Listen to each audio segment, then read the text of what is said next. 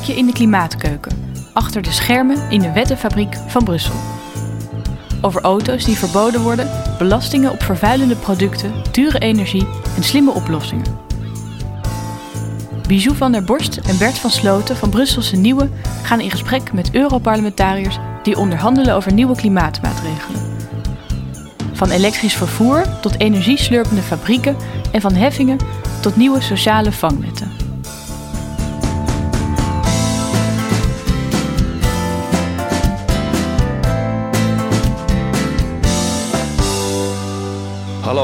Allemaal, je luistert naar de podcast met de Nederlandse klimaatonderhandelaars. Maar liefst vier Nederlanders onderhandelen over nieuwe klimaatwetten. Bijou, wie hebben we vandaag te gast? Vandaag spreken we met uh, Mohamed Shahim van de P van de A. En in Brussel uh, is zijn dat uh, de socialisten, de SND genaamd. En ja, we spreken met hem over. Ik ga het toch aan jou vragen, omdat jij die wet zo leuk kan uitspreken. ja, we hebben op de redactie altijd, als we het erover hebben, zeg ik CBAM. CBAM. En dat doet mij een beetje denken aan Bam Bam. dat is het kleine babytje van Barney Rubble uit de Flintstones. BEM is ook wel een goede klank bij deze wet. Want dit is eigenlijk een wet die nu een klimaatwet oplegt aan de rest van de wereld. En niet alleen aan Europa. Dus het is ook een grote knaller, om zo maar te zeggen. Ja, nou, een echte klimaatonderhandelaar. Maar waar zijn we nieuwsgierig naar? Ja, um, doordat deze wet zo groot was, is er heel lang over onderhandeld. Daar, uh, daar ben ik wel nieuwsgierig naar. Want uh, destijds hoorden we echt dat in het heet van de strijd werd er tien uur achter elkaar onderhandeld. Dan moet er meteen de volgende ochtend de persconferentie worden gegeven. Dan moest er weer van Straatsburg naar Brussel gereden om nou ja, in een weekend nog allerlei klimaatwetten af te tikken. Dus ja, ik kan me voorstellen, dat het heeft echt een, een aanslag op je lijf, maar ook op je sociaal leven. Um, als je daar zo lang zo scherp uh, moet zitten. Dus ik wil hem ook eens ja, over zijn gezinsleven. Hoe, hoe, hoe doet hij dit? Ja, hoe, hoe, overleef je eigenlijk die jungle en hou je toch ook nog een beetje leuk en, en vrolijk thuis? Ja, en is het dan wel uh, de moeite waard? Mohamed Shaim, we gaan naar hem luisteren. Nou, ik ben Moment, Moment Shahim. Ik ben eigenlijk altijd wel gefascineerd geweest van Europa. Wie of wie is de slimste mens? Ook heel erg spannend om mee te zijn. Je wil natuurlijk als politicus niet afgaan. Ja, dit wordt een finale met een hoog politiek gehalte. Het eh, Europese parlement tegen de Tweede Kamer. De PvdA tegen de VVD. Mohammed tegen Sophie. Wie of wie gaat dit winnen? Nou ja, ik denk dat dat hele grote woorden zijn waar ben je eigenlijk meer uh, tevreden over? Ben je tevreden over de slimste mens of uh, ben je heel tevreden over je, eh, de deal die je hebt afgesproken? Goeie. Die twee zijn ook heel goed te vergelijken natuurlijk. Hè? Absoluut niet, nee. ik, wat ik leuk vond aan de slimste mens is dat ik was een soort van reservekandidaat en het was ook heel spannend om daaraan mee te doen.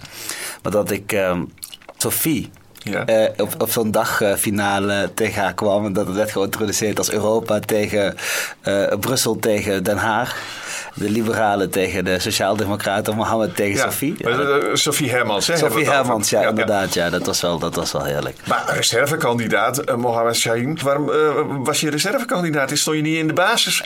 Nou ja, het was COVID-tijd en ik denk ah. dat, en, en daar hadden ze, ja, dus dan, dan wordt zo'n programma wordt samengesteld en dan kunnen er mensen uitvallen. En dan, dat, want anders zou ik het seizoen erop pas mee hebben gedaan. Dus zo is dat gegaan. Maar natuurlijk, kijk, inhoudelijk ben ik natuurlijk super trots wat wij nu met die, koolstofgrenscorrectie in goed Nederlands uh, hebben gedaan. Uh, zoals, ik, zoals je ook in het clipje uh, hoort.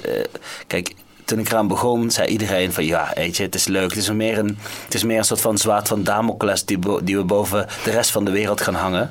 En dat zal nooit wetgeving worden. Het zal een manier, een instrument zijn om eigenlijk vooral mee te dreigen.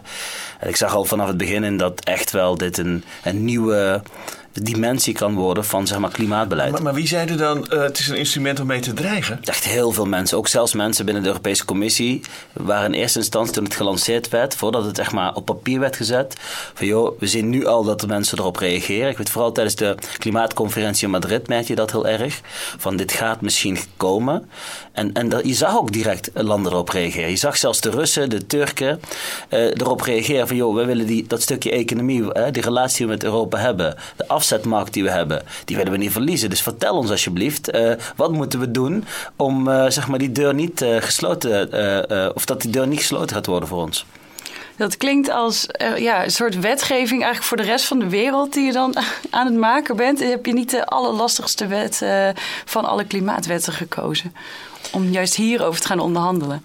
Kijk, wat ik, wat ik heel erg mooi vond. Kijk, ten eerste, je, je kan je hand opsteken, maar dat betekent niet dat je gekozen wordt. Het is een heel complex, eh, zeg maar, eh, eh, bijna stoelendans die we hier in het Europees Parlement hebben. Van welke Voordat partij- je ja, mag onderhandelen over Ja, dus wie wet. krijgt welk dossier? Er is zelfs een puntensysteem. Je- Het wordt zelfs geveild af en toe. Hè. Dat, dat, wie, wie is bereid daar het meest voor te betalen? Want uiteindelijk... wil- Betalen? Ja, je hebt een puntensysteem op basis van de... Ja, betalen is ook niet echt het beste woord, zeg maar. eh. Het gaat niet over geld, oké. Nee. nee, maar waar het om gaat is, je hebt, je hebt heel veel, eh, je hebt zeg maar grote politieke groepen. En je wil, dat noemen ze het DON-systeem. Elke eh, groep krijgt een aantal punten op basis van de verkiezingsuitslag.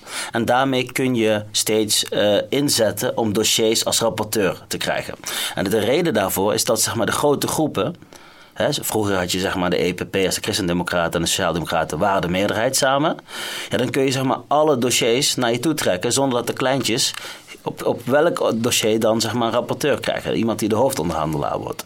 Dus om dat te voorkomen is dit systeem bedacht. Dat uiteindelijk als, als de grote partijen een aantal dossiers hebben gekozen, dan kunnen ook de kleintjes aan de beurt komen. Nou, dus dat is een heel complex systeem. En dan als dat gebeurt, dan moet het ook nog bij jou komen binnen de groep. Want dat is natuurlijk, hè, heel veel mensen willen rapporteur worden. Maar goed, dat was, dat was op een gegeven moment gelukt. Ehm, maar, maar, is niet zeg maar Ehm, ik vind het, het is een nieuwe wetgeving, het is spannend. Kijk, bedoel, ETS, daar werk ik nu ook aan, het emissiehandelssysteem.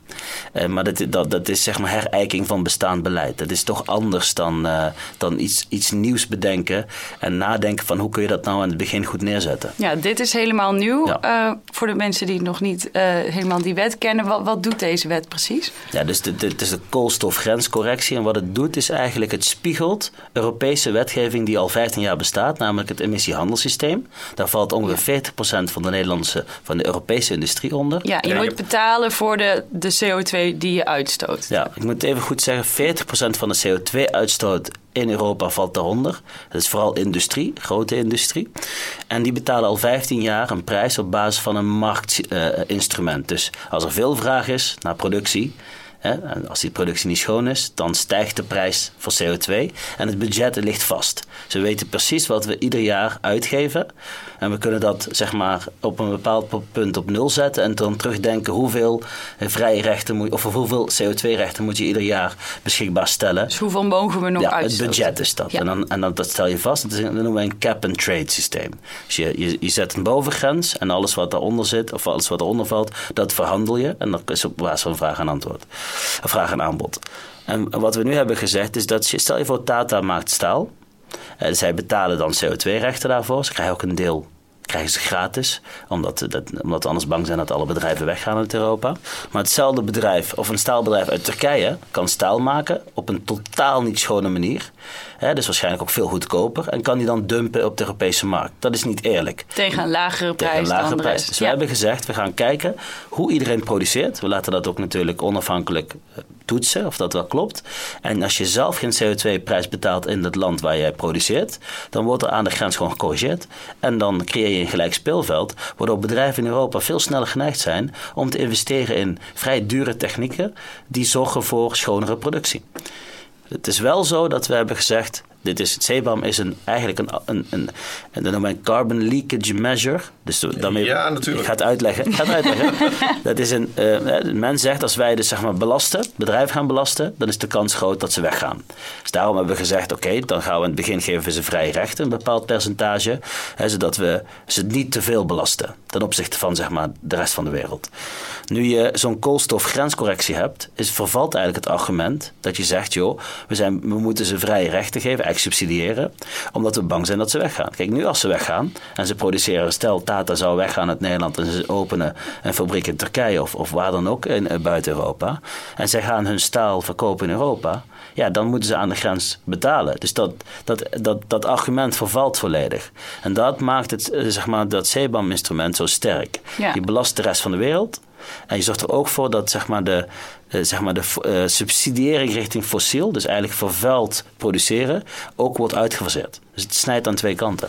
Maar dan is er natuurlijk nog wel een risico. Uh, namelijk dat landen gaan produceren, maar niet meer voor de Europese markt. Dat ze gewoon andere markten opzoeken. Dus dat, dat staal uit Turkije, om dat voorbeeld eventjes aan te houden, dat dat niet meer naar Europa gaat. Maar dat gaat naar Amerika of dat gaat naar Azië.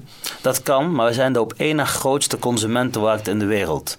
Als wij vervallen van jou, hè, stel je bent een boer op de markt en 20% of 25% van je afzet gaat weg, ja, dat, dat, dat heeft echt wel effect op je productie. Het is niet zo dat je dan ineens kan zeggen, er zijn niet meer mensen op de wereld, zeg maar, dan dat je al hebt. Dat is maar één wereldbol.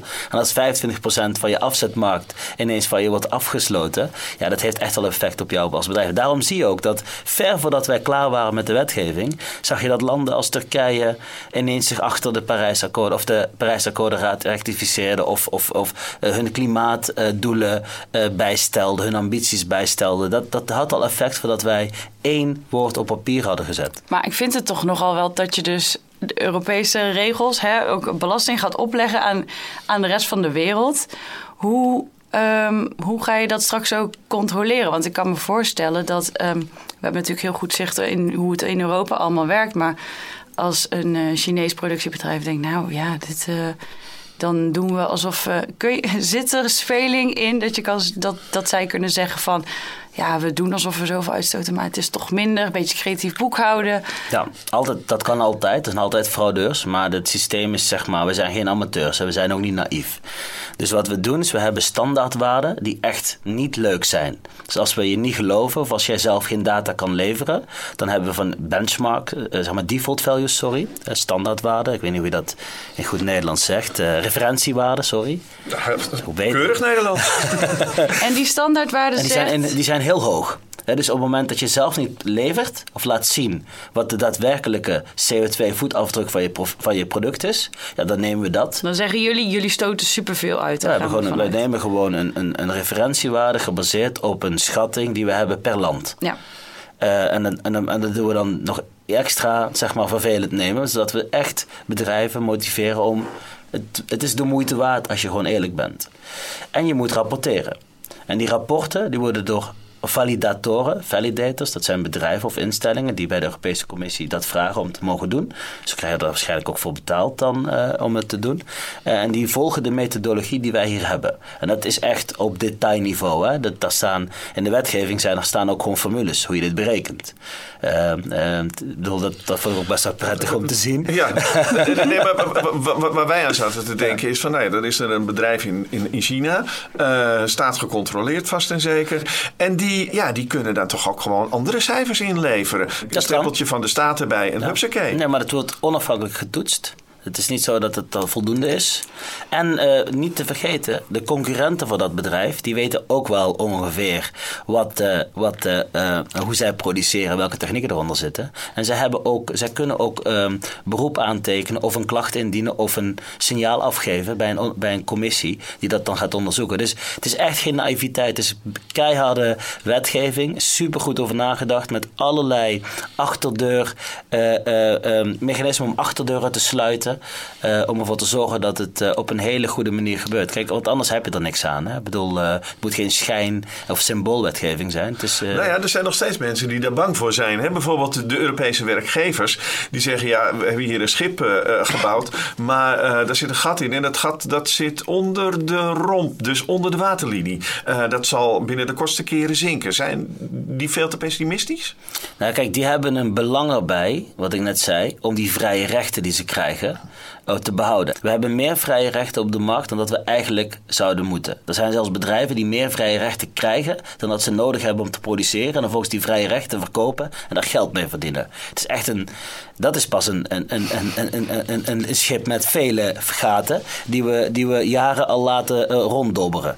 En we zijn maar aan het hozen. Dus dat systeem moet anders.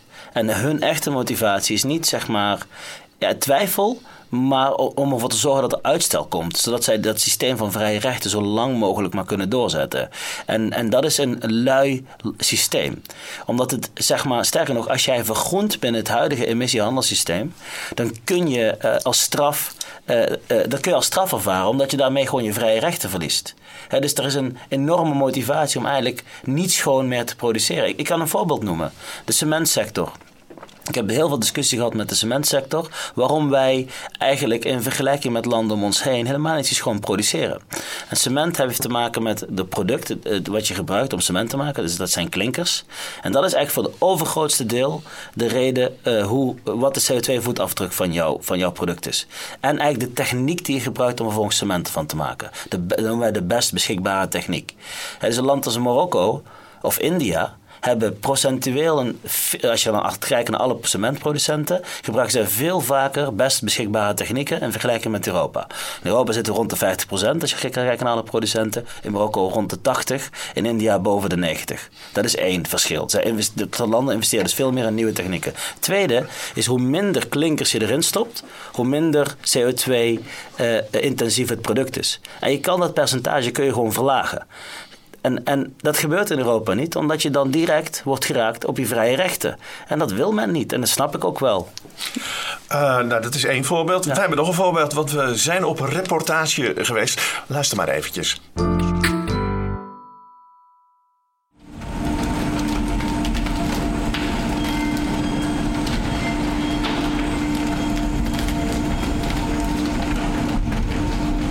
Ik mag niet te dichtbij komen? Nee, een veiligheidsscherm, daar mag je met de, met de vingers niet tussenkomen.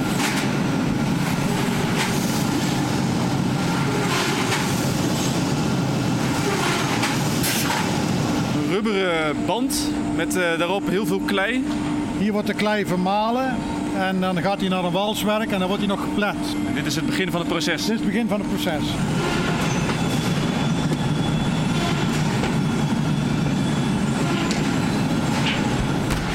Staan uh, midden in uh, de fabriek. Hier voor ons gaan stenen over een soort rupsband. Worden ze weer in een andere vorm neergelegd. Dan gaan ze naar het volgende station. Nico de Kat, hoeveel stenen worden hier nou uh, geproduceerd op jaarbasis? Wij produceren 130 nieuwe stenen op basis waalformaat. De helft daarvan zijn ongeveer Engels formaten. En de andere helft, dat zijn Nederlands formaten. Waalformaten, dat is typisch Nederlands formaat waar we hier in Nederland gebruiken.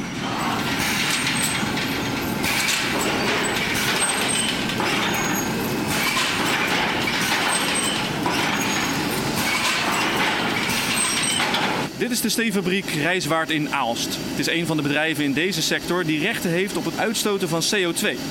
Produceren ze duurzaam en stoten ze minder CO2 uit dan de hoeveelheid rechten die ze hebben, dan mogen ze het overschot verhandelen met andere bedrijven. Het emissiehandelssysteem heet dit.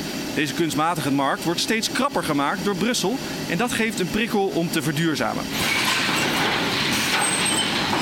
We zijn bezig met verduurzamen te kijken of dat we waterstof kunnen toepassen. Uh, zonnepanelen leggen. Daar kunnen geen zonnepanelen meer bij, omdat uh, de kabel niet toereikend is en voorlopig nog niet aangepast wordt. Dus we zitten aan de tax. We willen graag, maar we zijn technisch gebonden aan deze capaciteit. En dan noem je ook nog waterstof? Waterstof is, is zeer goed mogelijk om dat te vervangen namens aardgas. Alleen het leidingwerk is nog het grootste probleem. Die ligt er nog niet. En dat kan er wel jaren duren voordat we überhaupt waterstof door een leiding uh, in de buurt komt. Ja. Dus als ik jou zo hoor, zitten jullie wel redelijk aan, aan je max qua uh, duurzaamheid. Uh, nu gaat Brussel natuurlijk steeds verder die duimschroeven aandraaien. Lukt dat dan om dat tempo bij te benen met, met die rechten ook? Nee, dat lukt zeker niet. We moeten ook rechten inkopen. We hebben er niet voldoende. Dus ja, dat zal kostprijsverhogend werken. Uiteindelijk uh, is de kostprijs omhoog, gaat de prijs voor de klant ook omhoog. Dus uiteindelijk is uh, iedereen hier de dupe van. Ja, door dit systeem met deze emissierechten? Door dit systeem met deze emissierechten, ja. ja. Correct. Er was een probleem met dit emissiehandelssysteem. Bedrijven van buiten Europa hadden hier niks mee te maken en hoefden ook niks extra's te betalen voor hun CO2-uitstoot. Daar is nu een oplossing voor gevonden. Zodra deze bedrijven de Europese markt opgaan, betalen ze aan de grens voor hun uitstoot. Ik vind dat voor, eh, voor ons maken niet zo heel veel uit, omdat wij eh, heel weinig stenen vanuit buiten Europa Europa inkomen.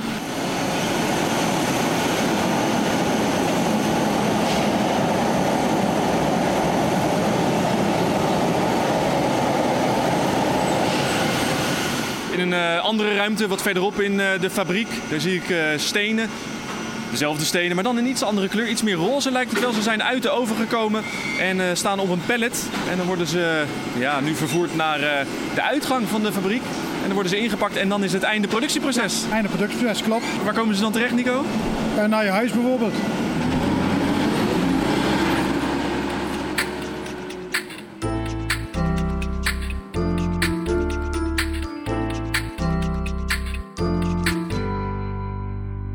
Ja, we hadden het net al over, hè? De, de cementindustrie komt dan langs. Als je zo'n belangrijke wet eh, onder je hoede hebt, dan komen er vast heel veel mensen langs die jou even willen vertellen hoe belangrijk het is dat, dat je de juiste keuzes maakt. Hoeveel beïnvloeding was er bij het tot stand komen van deze wet? Ja, eh, eh, je kan het eigenlijk allemaal terugvinden, want we hebben ook achteraan de wet kun je gewoon zien met wie ik allemaal gesproken heb. Transparant. Eh, transparantie. Je ziet in het rapport wat ik geschreven heb, wat ik in december, net voor kerst een jaar geleden, heb gepresenteerd, kun je gewoon zien met wie ik gesproken heb. Natuurlijk was er ehm, heel veel vraag naar gesprekken. En op een gegeven moment was het zoveel dat ik ehm, vooral een soort van hoorzittingen heb gehouden, of ronde tafelgesprekken. En, en als- Hoorzittingen klinkt ja, heel streng. hoorzittingen niet, maar ronde tafelgesprekken is een beter woord. En, dat, en dat, ik heb die, ik weet niet hoeveel gedaan, echt, echt Maar iedereen wilde met je spreken. ja, precies. Dus op een gegeven moment heb ik dus die, die ronde tafelgesprekken online. En dat was het wel het fijne. We hadden dan een online systeem daarvoor. En er zaten meestal rond de 40 organisaties, bedrijven of NGO's. Maar zelfs ook vertegenwoordigers van overheden. En die gaf ik dan gewoon de ruimte om te spreken, eh, vragen te stellen, eh, een boodschap af te geven. En dan vervolgens mochten ze ook iets presenteren. Ehm, en dat deed ik dan eh, ja, eigenlijk een aantal weken achter elkaar. Dan ben je heel Eh, populair keer, eh, in die periode. ja. En, en daarna ook hoor, je, ook heel veel ministers, zeg maar, buiten de EU, maar ook zeg maar, die horen bij de Europese Economische Gemeenschap. De Noren, de, de Zwitsers, hè, want die, die, die vallen onder het systeem zonder dat ze er eigenlijk iets over te zeggen hebben. Eh, voor alle mensen die Nexit roepen. je hebt gewoon te maken met Europese wetgeving, maar je hebt er vervolgens niks meer over te zeggen. Waar komen die ministers dan mee? Ja, die komen met, met eh, vragen, verzoeken, ook ehm, ehm, ehm, af en toe twijfel. Hè? Dus het zijn gewoon hele open gesprekken. En eh, daar is op zich ook niks mis mee, want ik, je leert er ook iets van.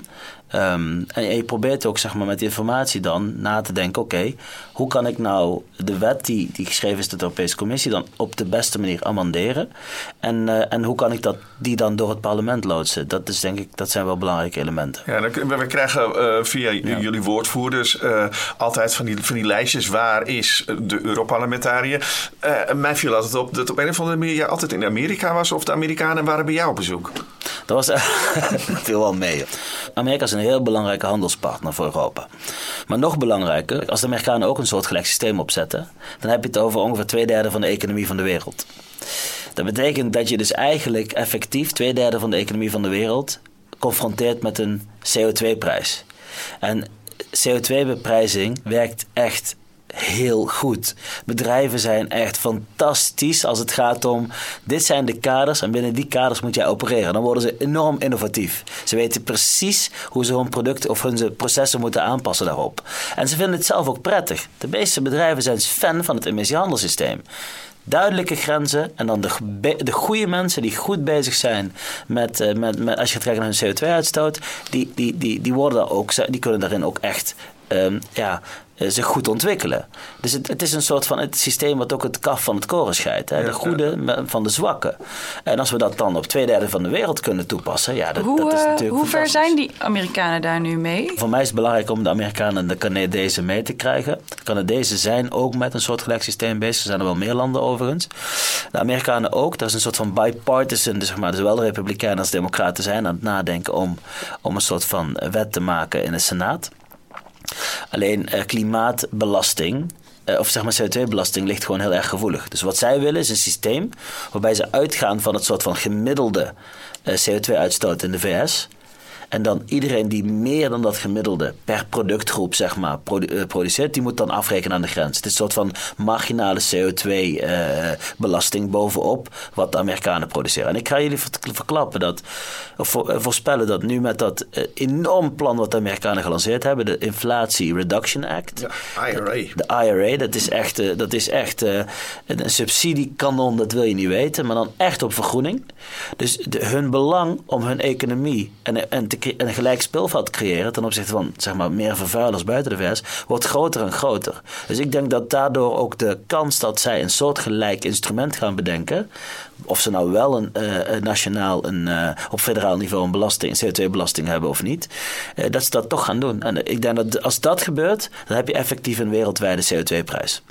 Mag ik even onderbreken? Want wij, wij, wij in, in deze gesprekken eh, gaan we ook eventjes naar onszelf eh, eh, eh, kijken. Van wat doen we goed en wat doen we zelf niet eh, goed. Ik heb, eh, wij hebben al een aantal dingen eh, eh, opgebiecht. Wij biechten elke aflevering onze fouten. Z- Zullen we nu, mag ik nu eens iets positiefs eh, van mezelf zeggen? Ja, doe maar een echt, keer. Ja, ja, ja. Ik ben voorzitter van de voetbalvereniging. Eh, en eh, wij hebben net besloten om 80 zonnepanelen neer te leggen. Maar eerst vervangen we onze oude klassieke lampen door LED-verlichting. Dus ik, ik, ik vind dat ik best wel goed bezig ben. verder. en dat is zonder, dat vind ik ook wel heel, heel mooi. We hebben een ledenvergadering gehad, want dat is een behoorlijke investering. En, en niemand was tegen. Terwijl een paar jaar geleden, ik denk een jaar of drie, vier geleden, is dit, een vorig plan is, is nog weggestemd. Dus we zijn, wij gaan de goede kant op. Bijou te- eerst of omhoog? Ja, de tijden zijn aan het veranderen, maar ik, eh, ik moet dan toch biechten dat het... eh, ik woon echt in een heel oud huis, maar ja, ik huur het.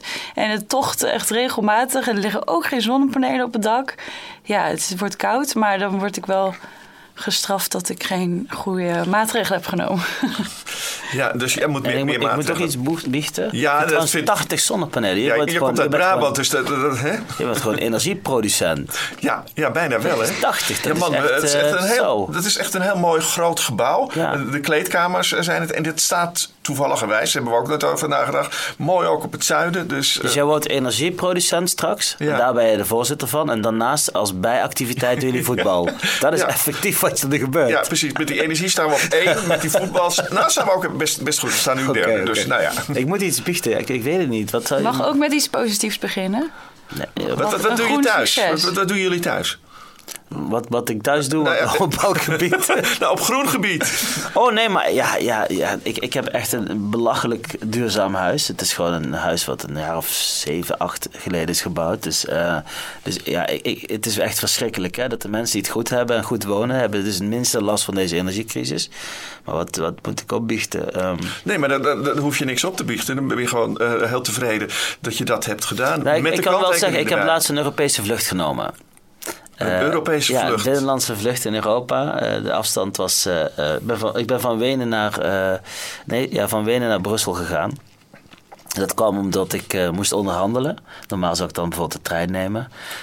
Maar dat kon echt niet. En, en ik moet eerlijk zeggen dat ik ook best ehm, eh, ehm, vaak nadenk over. ehm, eh, ga ik nu de trein nemen? Zit ik dan bijvoorbeeld tien uur in de trein? Of eh, neem ik, eh, eh, vlieg ik al twee uur? En dan kan ik daardoor sneller bij mijn, eerder bij mijn kinderen zijn. Kijk, als je hier dat, vind ik best wel ingewikkelde beslissingen voor, voor mij. En ik, moet dat, ik zeg, ik denk dat ook niet zeg maar heel makkelijk. Maar als, als je Europarlementariër bent, heb je echt een duaal leven. Je hebt een leven hier in Brussel of in Straatsburg of waar je dan ook bent van maandag tot donderdag. En je hebt een leven, ik heb twee jonge kinderen. Uh, nou, Jen is net vijf geworden en Leijen is negen. En uh, ik ben nu drie jaar Europarlementariër. Je merkt gewoon, zeg maar, mijn leven is van maandag tot donderdag. is echt totaal anders. En eigenlijk zou ik donderdag zo in een, in een, in een, zeg maar in een flits naar Helmond willen gaan. Omdat Terug. ik dan gewoon echt tijd met ze kan besteden. En elk uur dat ik er niet ben, uh, ja, betekent dat, dat, dat ik die niet met hen kan uh, uh, meemaken. En de, en de tijd gaat snel. Ik bedoel, mijn zoontje die was nog geen twee toen ik hier Europarlementariër werd. Uh, en dat is toch een hele andere fase. Ik zei net tegen jou dat ik, dat ik uh, eh, eh, eh, tijdens je onderhandeling heb je ook heel veel nachtsessies. Dat ik echt helemaal gesloopt ben in de ochtend. Dat, dat, gewoon moet denken, dat ik dan moet denken aan de da dagen dat ik net vader was, weet je wel.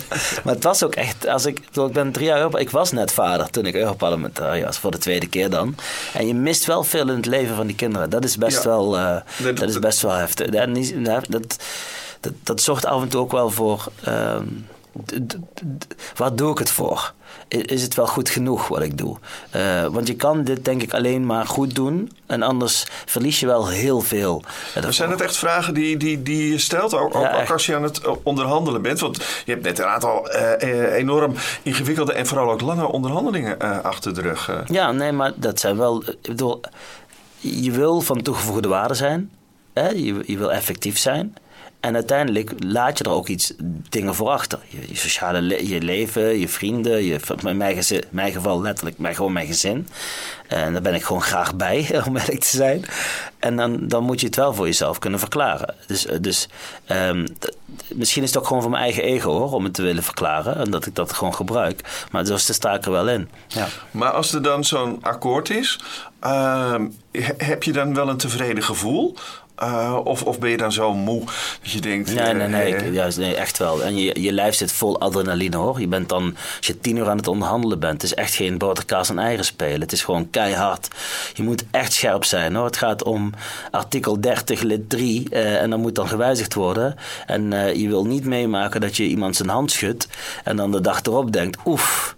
Daar heb ik toch, eh, eh, eh, had ik toch anders moeten doen. Je bent gelukkig niet alleen. Maar als je rond de vier uur, zeg maar richting vijf uur gaat in de nacht, dan is bijna niemand meer scherp. Hè? Samen ongeveer ben je één scherp of twee scherpe personen. En, maar daarna zit je vol adrenaline. En dat is het vervelende. Dus dan kom je aan in je hotelkamer. En heb je, dan zit je zo vol emoties dat je ook weer niet kan slapen. Terwijl je eigenlijk wel moet slapen, want je hebt maar een paar uur. En de dag erop heb je een persconferentie of ga je gesprekken aan met collega's. Of, of heb je de technische onderhandelingen nog om alles wat politiek afgesproken is, om technisch uit, eh, uit eh, te werken. Dus, eh, en, en eigenlijk wil je wachten tot alles op papier is gezet, want dan is het, dan is het een done deal. Dus eh, ja. Als je dan teruggaat naar die onderhandelingen, waar zijn dan scherpe punten? Waar, waar gaat het uiteindelijk over? Want je, hè, je, je haalde artikel 30 aan. Ja, ja, Ja, dat wat is maar een voorbeeld. Nee, maar nee, dat, dat staat Nee, nergens. ik dat ga ook niet artikel 30 opzoeken. Ja. Maar ehm, ehm, er Heel toevallig was dat de, artikel- de, de, de, de, de review-clausule. Oké. dus, eh, maar, maar, maar, Wat staat daar dan? Ja, er Eh, staat, dat, heel toevallig was dat ontzettend, was het artikel hoe wij zeg maar heel de wetgeving gaan, her, of, ehm, gaan evalueren en gaan kijken hoe we dit weer gaan verder uitbreiden. Een heel lange, eh, lang artikel hoe we andere sectoren gaan toevoegen, hoe we andere soort producten gaan toevoegen, et cetera, et cetera. Maar waar gaat het dan uiteindelijk over? Over, over, over woorden? En zijn die woorden politiek? Of is dat eh, eh, technischer? Eh, zitten daar landenbelangen achter? Wat, wat, wat, ja, wat zeker. zijn dat? Echt zeker. Het gaat ook echt om belangen binnen de EU. Dus dan bijvoorbeeld, dan, wij willen een bredere scope, we willen een bredere toepassing vanaf dag 1. Dus een uitbreiding van sectoren. En Dus in plaats van alleen de dus stijl, alleen- zeg je, ja, we pakken ook... eh, Waterstof. ja, erbij. Eh, of eh, producten die wat lager in de waarde, of wat verder in de waardeketen zitten. Omdat die zo aan elkaar gekoppeld zijn dat als je die, dat niet toevoegt, dan heb je al meteen een probleem veroorzaakt. Want dan, even bijvoorbeeld, voorbeeld. als je, we hebben bijvoorbeeld eh, ehm, ehm, wat zijn het? dat zijn moeren en, en, en, Ja. en, eh, en eh, Moeren en boutjes? en bouten. Eh, dat is gewoon een 100% staalbedrijf, of staalproduct. Ja. Eh, dus op het moment dat je dat soort type producten, want het gaat om productgroepen, niet toevoegt, ja, dan, dan gaan die nooit meer, dan, dan, dan, gaan die, eh, dan gaat dat soort producten worden geïmporteerd en niet meer het staal. En dat is, dat is echt, wij noemen dat een circumventieprobleem. Dus dat, zo hebben we meer onderdelen toegevoegd om ervoor te zorgen dat. Want wat het probleem is, als er een gat blijkt te zijn in de wetgeving vanaf dag 1, dan heb je meteen al een probleem. Dus je wil zo strak mogelijk alle gaten die je identificeert dichten. Dan kan er nog een probleem zijn. Dan hebben we een review-clausule om te kijken van hoe kunnen we dat snel dichten. Eh, maar, het, maar het moet goed zijn, want het zal enorm bekritiseerd worden. Binnen Europa, maar ook buiten Europa. En als het niet goed gaat vanaf dag 1, ja, dan heb je een probleem. Ehm, dus dat soort dingen bespreken we. En eh, bijvoorbeeld met, met de uitbreiding van de scope, ja, dan krijg je gewoon iemand van de raad die zegt absoluut geen ruimte. Absoluut geen ruimte. Drie uur later, misschien een beetje ruimte. Vier uur later, nou, oké. Eh, Iemand van de Raad, een, een ander land. Zegt Ja, dus, dan. dus de Europese Raad, die doet namens eh, de, alle landen de onderhandelingen. En er waren ook gewoon momenten bij dat, ik, dat wij dan als onze... Ik ben niet alleen aan het onderhandelen, we hebben een onderhandelingsteam. Ik doe het woord, hè, ik ben de hoofdonderhandelaar. En dat we letterlijk zeiden, van, misschien moet jij nu even wat hoofdsteden gaan bellen. En eh, terugkomen met, eh, met iets, want anders komt er gewoon geen deal vandaag. Tegen wie zeg je dan, je moet even terugbellen?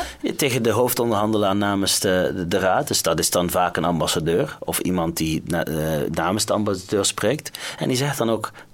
Af en toe zeggen ze zelf hoor. I need to go Paris, or I need to go Berlin, or I need to go uh, The Hague.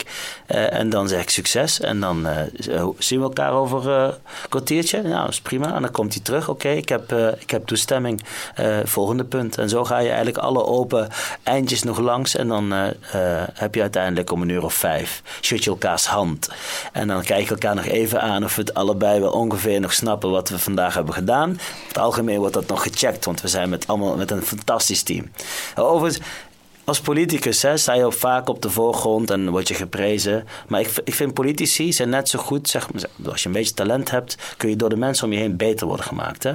Ik voel me gewoon, ik voelde me dan echt in die nacht, voelde me als een soort van Mount Everest beklimmer. Hè? Maar iedereen vergeet altijd de Sherpa's. De Sherpa's, dat zijn de harde werkers. Die, zijn, die dragen alles. Die dragen alles. Die zorgen ervoor dat je eigenlijk heel comfortabel. Nou ja, Mount Everest is natuurlijk heel ingewikkeld. Maar we hebben echt fantastische mensen die voor ons werken. Zo kun je dan een hele machtige klimaatpoliticus worden met al die hulp. Ja. Uh, dan ook, ja, wie is eigenlijk de machtigste klimaatpoliticus van Europa op dit oh, moment? dat is Frans Timmermans. Dat is zeg maar geen twijfel. Meteen? Ja, nee, zeker. zeker. Ja. Uh, is dat niet Ursula van der Leyen? Ja, nee. Kijk, Ursula is de president van de commissie. Um, alhoewel zij zich ook best vaak bemoeit, hoor. Haar kabinet met. Nou ja, met dat, daarom vraag ik dat. Omdat zij natuurlijk heel vaak het ook over de Green Deal heeft. Nee, nee, tuurlijk. Ja. Maar uh, als je gaat kijken naar de wetgeving, die valt onder een aantal commissarissen. De, maar, maar, Frans Timmermans is, uh, leidt wel uh, de belangrijkste van die wetten. En um, er gaat geen wet aan voorbij die, waar hij zelf natuurlijk ook niet en zijn team over nadenkt van hoe, hoe, wat, is, wat is acceptabel om zeg maar, de, de klimaatwet te halen. En waar ja. staat Mohammed Shaheen op, op, op dit virtuele lijstje? Ja, goed. Uh, ik stond dit jaar wel op een lijstje, hè? een lijstje oh ja? van Politico. Kijk aan. Uh, dat had ik totaal niet had verwacht. Ik stond uh, volgens Politico bij de, op het lijstje van de, een van de, de 28 groene Europeanen. Dus een van de 28 groenste Europeanen. Dus daar zaten politici bij en, en uh, ministers en uh, mensen uit het bedrijfsleven, activisten, wetenschappers. Maar op het lijstje van politici stond ik daar op zeven. Zullen we het daar maar bij houden? Ja, nou, Eentje ja, onder Halsema. Een, een, een, onafhan- een soort onafhankelijke bron, dat is ja. altijd goed. Ik ga je danken. Uh, het was een fijn gesprek. Ja, bedankt. Uh, en uh, sterkte. Komen er nog veel onderhandelingen aan? Ik hou me bijvoorbeeld bezig met Europese industrie-emissies. Dus eigenlijk alle emissies die niet CO2 zijn. Uh, en dat wordt ook nog wel een hele pittig, pittig gesprek. want uiteindelijk hebben we het dan over fijnstof, methaan, dat, soort, dat soort uitstoot. En ja, dat is voor de volksgezondheid ook best wel een belangrijk ding. maar dat is waar we nu, iets waar ik nu volop mee bezig ben. Ik wou zeggen, dank je wel. en ik, ik, ik heb de neiging om te zeggen veel te rusten. Want ik uh, met zo weinig slapen en uh, dan nog zo goed uit je woorden komen, dank je wel daarvoor. Graag gedaan. Goed, volgende keer natuurlijk weer te beluisteren. Een nieuwe aflevering van de podcast met de klimaatonderhandelaars in Europa. De Nederlandse klimaatonderhandelaars, moet ik daarbij uh, zeggen. En in de tussentijd kunt u natuurlijk ook bijblijven als u alles wil weten op het gebied van klimaat en energie. Dan kunt u zich abonneren op de nieuwsbrief van Brusselse Nieuwe over energie en klimaat. En in de tussentijd alles lezen en de laatste ontwikkelingen volgen. En dat kunt u gewoon op brusselsenieuwe.nl. Op het knopje drukken en een abonnement nemen. Tot de volgende nieuwsbrief of tot de volgende podcast. Tot ziens. Dag.